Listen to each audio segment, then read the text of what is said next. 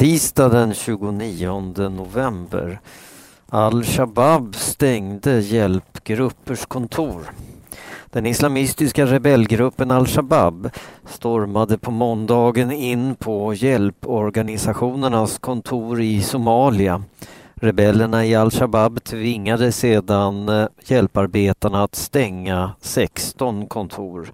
All vår personal tvingades lämna kontoret. De blev bortkörda, sa en chef för Världshälsoorganisationen WHO. Gruppen al-Shabab är strängt islamistisk. De förbjuder alla hjälpgrupper som de tycker är emot islam.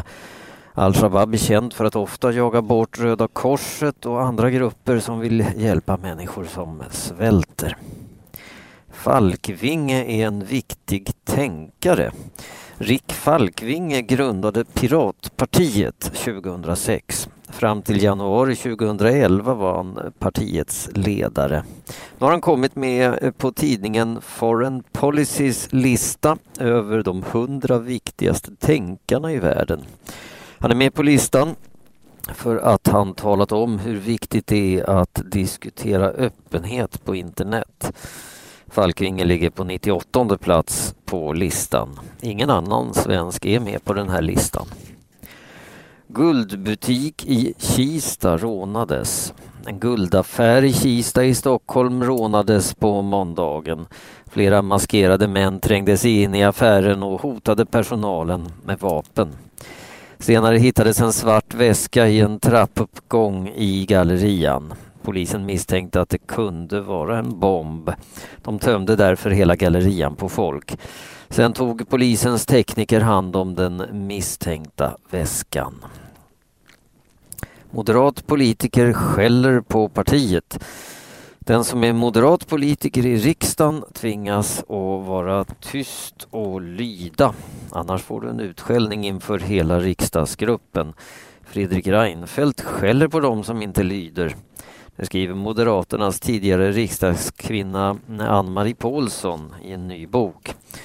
Moderaten Ann-Marie Paulsson har suttit i riksdagen i åtta år. Hon började år 2008, nej 2002 när Sverige hade en socialdemokratisk regering.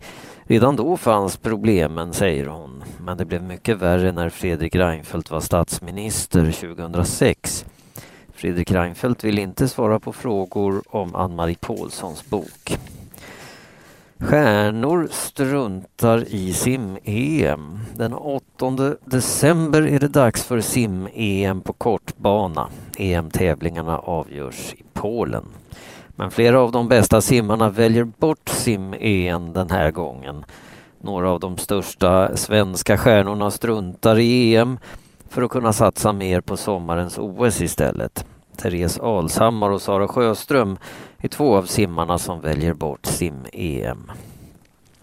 Syriens militärer gör brott mot mänskligheten. Syriska soldater och poliser har våldtagit, torterat och mördat människor. De har gjort allvarliga brott mot mänskligheten. Det säger en FN-grupp som undersökt våldet mot de människor som demonstrerat mot Syriens regering. FN-gruppen säger att det är Syriens president al-Assad och hans regering som är ansvarig för brotten. FN-gruppen har intervjuat 223 syrier som blivit utsatta för våld. FN säger att 3500 människor har dödats sedan protesterna mot regeringen började i våras. Varningen för stormen kom i tid. Helgens storm ställde till med stora skador i skogen. Tusentals träd blåste ner. Men annars blev det mindre skador än många trott. Ingen människa skadades i ovädret. En anledning är att väderexperterna på SMHI varnade för ovädret i god tid. Kommunerna och länsstyrelserna har kunnat förbereda sig för stormen, säger Erik Lövgren på Myndigheten för samhällsskydd och beredskap. Många tusen människor blev utan ström. En del kommer att få vänta flera dagar innan de får tillbaka strömmen. Men avbrotten blev färre än vid tidigare stormar. Efter det stora ovädret Gudrun år 2005 har många elledningar grävts ner.